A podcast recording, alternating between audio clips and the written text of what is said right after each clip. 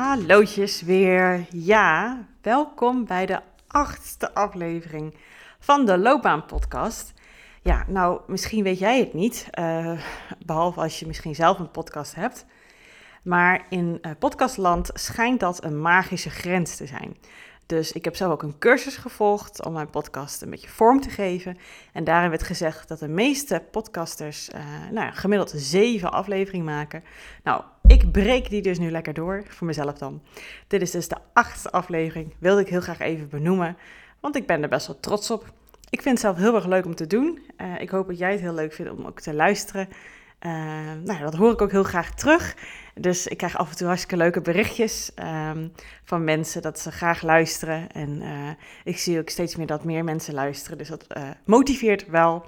Voor mij is de podcast ook een manier om nou ja, gewoon uh, wat ik graag wil delen, mijn hersenspinseltjes, om die wat helder te krijgen, dat ik ze kan overbrengen. En een stukje persoonlijke ontwikkeling, hè, zichtbaarheid creëren. Nou ja, dit is misschien iets minder zichtbaarheid, maar meer hoorbaarheid. Maar goed, je snapt mijn punt wel. Yes, dus dat, dus dat, ja. En ik ben lekker in de herfstvakantie uh, weer heerlijk wezen wandelen in Duitsland met de honden. Ik hou zo van de herfst. Nu ik het opneem heb ik net ook even buiten gewandeld en ik kan er zo van genieten. Hoe heb jij dat eigenlijk? Kan je er ook zo van genieten of denk je alleen maar oeh, koud? yes. Hey, um, ja, deze aflevering, waar gaat die nou eigenlijk over? Ik dacht het is misschien wel goed om naast de titel even te benoemen wat centraal gaat staan in deze aflevering, of in ieder geval wat mijn intentie is om centraal te laten staan. Um, en dat is namelijk de, uh, de, risico's, of eigenlijk de vergetene risico's, die mensen um, dus niet in het oog hebben bij het wel of niet veranderen van hun baan. En dit wil ik heel graag um, ja, bekijken vanuit twee verschillende kanten. Ik begin zo met um, de kant van iemand die nog aan het begin van zijn of haar loopbaan staat. Maar dat betekent niet dat voor jou die misschien al veel meer werkervaring, uh, als jij meer werkervaring hebt, dat dat niet relevant is. Want zeker.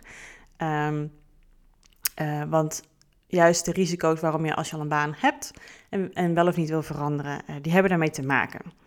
Dus stay with me. Nou, laat ik zo eens beginnen. Ik heb pas geleden ben ik natuurlijk in contact geweest met een, in dit geval was het een jongeman van begin 20 en um, die zat bij mij in een uh, workshop die ik geef uh, op de universiteit. En nou ja, dan geef ik een talentmanagement workshop en dat gaat over um, vanuit jezelf leren kiezen, hè, wat, wat mijn loopbegeleiding natuurlijk ook is. Hè, leer jezelf kennen en vanuit daar leren keuzes maken. En hij zei van, nou ja, maar mevrouw, want ze noemen ze me daar dan, heel irritant. Mevrouw, um, het is dan toch wel heel erg belangrijk dat ik dan nu de juiste keuze ga maken voor mijn loopbaan, voor mijn eerste baan, voor mijn richting die ik kies. Want ja, um, als ik strakjes nog ga wisselen van baan, ja, dan, dan, dan kan dat toch eigenlijk niet? Ik zeg, hoezo niet dan? Vroeg ik hem. En hij reageerde terug met, ja, dan heb ik een hypotheek en dan, ja, hij had het heel erg over die hypotheek. Ik kan het ook zelf ook al verder invullen. Hey, je kan dan misschien denken ook aan uh, een vaste uh, vriendenbasis om je heen. Als je misschien van werk zou wisselen en naar een andere plek gaat. Of um, met, met, met hobby's. Of uh, misschien wel een gezin. Hij zegt, maar ja, dat houdt mij heel erg tegen. En dat geeft me eigenlijk juist nu heel veel druk dat ik nu de juiste keuze moet maken, omdat als dat straks niet meer gaat, want wat als ik dan dus een hypotheek heb? Dan ga je toch niet meer wisselen? En hij vroeg hoe ik daar dus naar keek. Nou, en toen uh, kwam dus, plantte dus mij het zaadje om, het, om deze aflevering op te nemen. En ik ben benieuwd hoe jullie erin staan, hoe jij erin staat als ik, uh, wat we vandaag dus gaan delen, wat ik vandaag ga delen hoe jij dat ziet. Want dat is natuurlijk zeker een risico. Hè? Het is zeker een risico um, als je later, uh, of, of hè, lichaam wanneer uh, in welke fase in je loopbaan je zit. Als je een aantal jaar al gewerkt hebt en uh, je denkt toch, ja, shit, dat is hem niet echt. Ik twijfel. Zo heb ik bijvoorbeeld ook pas iemand anders, en dat was dan deze keer een, een, een, een zij, zeg maar. En zij had um, nou, ik denk al ruim zes jaar, vijf jaar werkervaring. En ze is al een keertje van carrière geswitcht, zoals ze dat noemden. Uh, van richting geswitcht. En nu zegt ze, ja, het is er nog steeds niet, het is een weer niet. Het is het patroon natuurlijk wat erin voortkomt. Maar ja, zij legt er ook druk op, want ze denkt, ik kan toch niet weer gaan switchen?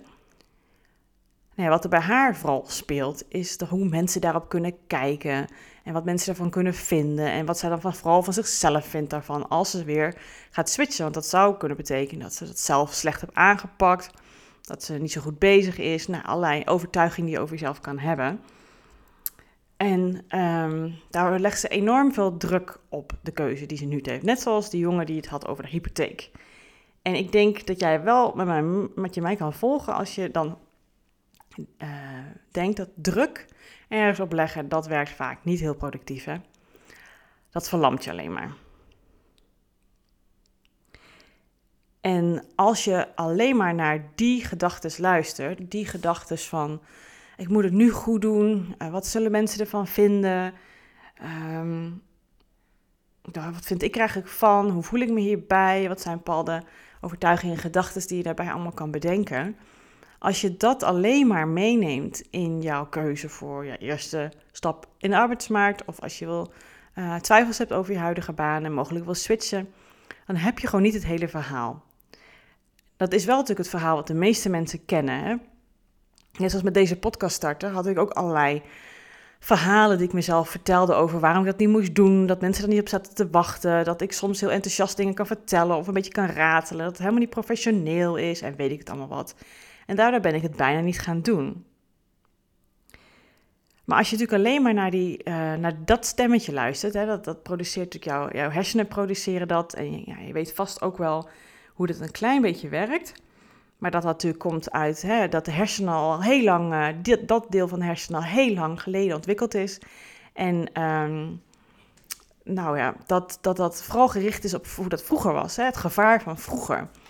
En dat, dat dat brein nog steeds nu op zoek is naar belemmeringen en, en obstakels en um, dingen die in de weg kunnen gaan staan. En je overal probeert te beschermen. En dat is hartstikke mooi, voor al het kwaad. Maar dat is tegenwoordig een hele andere vorm. Maar daarom produceert jouw brein, jouw ego, al die gedachten. Maar ja, hè, die helpen jou niet echt. In ieder geval, die zorgen ervoor dat je maar één kant, of ja, een kant van het verhaal ziet als jij mogelijk twijfelt over jouw loopbaan. Welke keuzes ga ik daarin maken? En vaak, wat ik ook zelf herken en wat ik ook dan hoor bij, die, bij eh, de voorbeeld die ik net noemde, is dat het dus druk erop legt. En dat kan meestal twee kanten op gaan. Of het verlamt je, en die herken ik zelf heel erg. Je komt dus niet in actie. Nou, dat heb ik dus vooral gehoord van, uh, van die, uh, de vrouwelijke klant. Die zei, ja, ik ben zo van aan het piekeren en met mensen er allemaal aan het hebben, maar er komt niks in actie. Er komt geen beweging in mijn plannetje. Ondertussen, ja, voel ik me wel slechter en slechter. Want het is niet de huidige situatie, het is niet de situatie die ik nu die ik zou willen, waar ik langer termijn wil blijven zitten. Het kan ook zijn dat het meer een soort van kat en nauw rare sprongen uh, stukje wordt. Dat je dan maar snel wat anders kiest of snel maar rigoureus uh, beslissing maakt of, of, tot actie komt om ook maar van af te zijn. Maar vaak vanuit blinde paniek uh, dan maar wat doet. Want ja, dit is in ieder geval niet. Wat dan wel? Laten we dan maar wat anders proberen. En zo kan je hoppend van het een naar het ander gaan. Of mogelijk een kans die op je weg komt. Die je eigenlijk helemaal niet, als je er rustig over na zou denken, zou pakken. Dan wel doet. Want ja, hè, je legt er zelf allemaal zo druk op. Nou kan ik je ook aangeven dat als je dus alleen maar naar die kant kijkt, uh, dat dat ook een grote reden is waarom je in een burn-out uh, kan belanden, waarom je overspannen kan raken. Maar daar wil ik graag nog een andere aflevering over maken, om daar iets meer aandacht voor te geven. Dus ja, um, en het zorgt er dus ook vaak voor, vooral als je die kant van het verlammende stuk pakt, wat de meeste mensen wel hebben. Hè? Je blijft zitten waar je zit. Uh, want ja, wat gaat het allemaal met zich meebrengen als ik iets zou veranderen?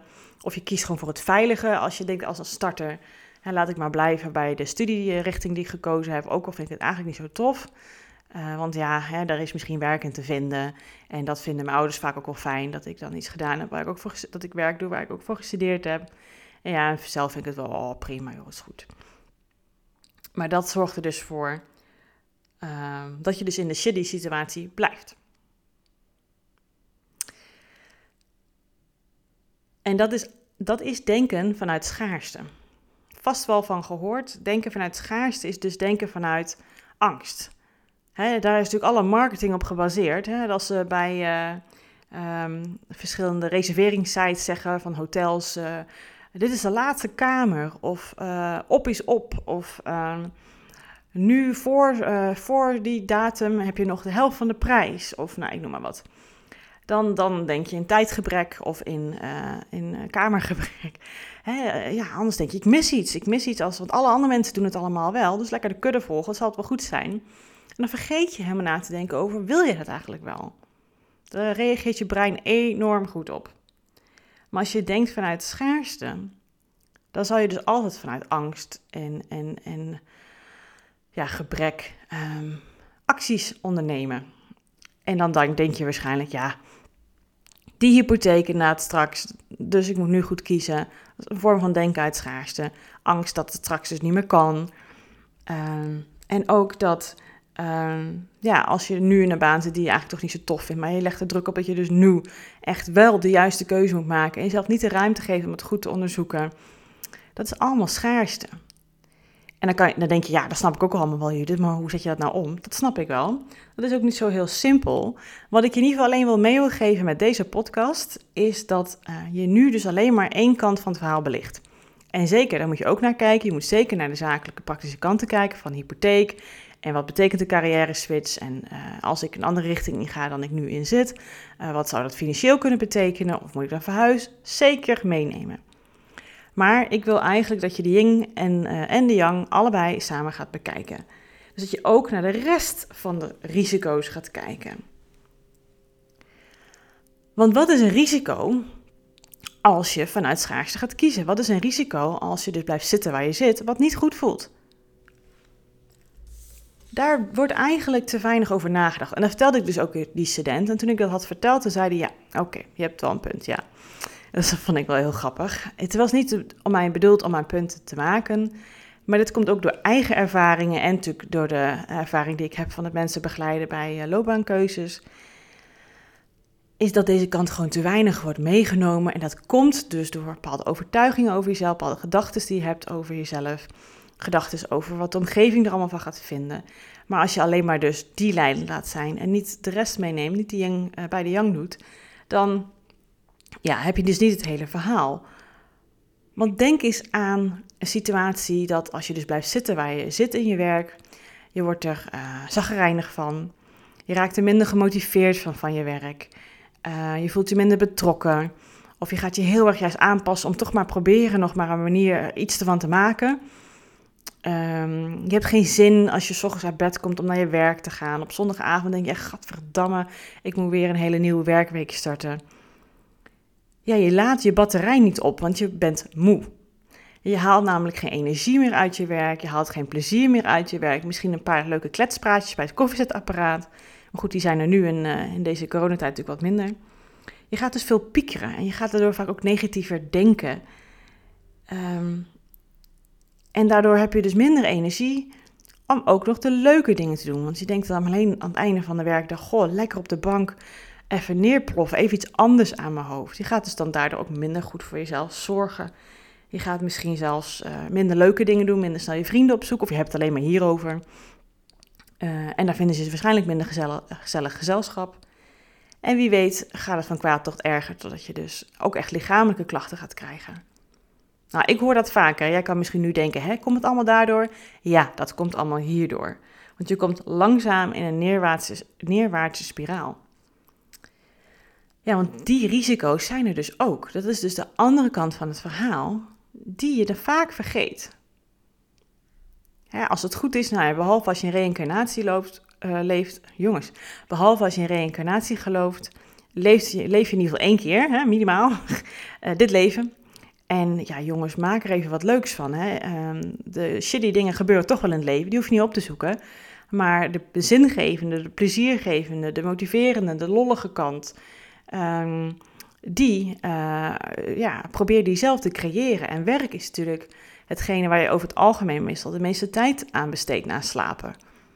Dus als je daarin dus um, ja, niet het gevoel hebt dat je daar op je plek zit, als je daar niet het gevoel hebt dat je de klik hebt met je collega's, dat je het mee eens bent met de cultuur en de sfeer van het bedrijf, dat je geen leuke klanten hebt of leuke opdrachten hebt of leuke collega's hebt, waar je ook echt energie uit kan halen bij de vragen die zij ermee zitten, dat je het graag uit wilt zoeken of adviseren of uh, rapportage over wil samenstellen, ik zeg even maar wat, dan gaat dat langzaam aan als een sluipmoordenaar, zeg maar, zijn werk doen. En die kant vergeten we dus. En dat vind ik zo jammer. Omdat het natuurlijk niet zo'n overduidelijke uh, manier is, uh, overduidelijke reactie is op, op, op, op de bron van, van, van uh, dit op de bron ervan. De bron is dat je dus niet op, je, de juiste plek zit in je werk. Hetzelfde kan je natuurlijk denken op de juiste plek in een relatie, of nou, hè, je snapt me wel. Maar dat gaat langzaam aan. Het is niet gelijk bam, oorzaak-gevolg. Het is net hetzelfde als als je um, heel lang hebt gefietst uh, en op een gegeven moment ga je minder fietsen. Ja, minder bewegen dus, laat het zo zeggen. Je hebt het nergens mee opgelost of, uh, of je gaat uh, elke week iets meer snoepen. Ja, dat begin ik kan toch geen kwaad, maar als je dat structureel doet, ja, op een gegeven moment ga je dat merken aan je gewicht op de weegschaal, aan je mobiliteit in je lijf, je bewegelijkheid, je humeur. Hè, want bewegen zorgt voor bepaalde stofjes in je brein, waardoor je vrolijker wordt. Uh, en dit is dan eigenlijk maar een klein voorbeeld. Hè? Maar werk is zo'n ingrijpend onderdeel van je leven. En als je dat eigenlijk niet ja, serieus neemt, wou ik eigenlijk zeggen, maar belangrijk genoeg vindt om daar ook naar te kijken. Dus niet alleen maar naar de praktische kant, naar hoe er vroeger eigenlijk over nagedacht uh, werd. Hè? Dat dat werk een, uh, een boterham moet opleveren.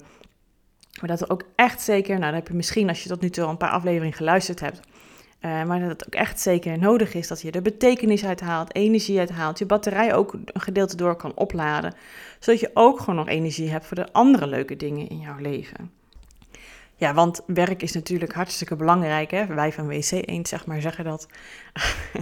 uh, maar je bent natuurlijk meer dan werk. Hè? Je hebt natuurlijk ook nog, uh, nou ja, je kan zelf wel invullen wat jij allemaal zelf nog meer naar werk, naast werk doet.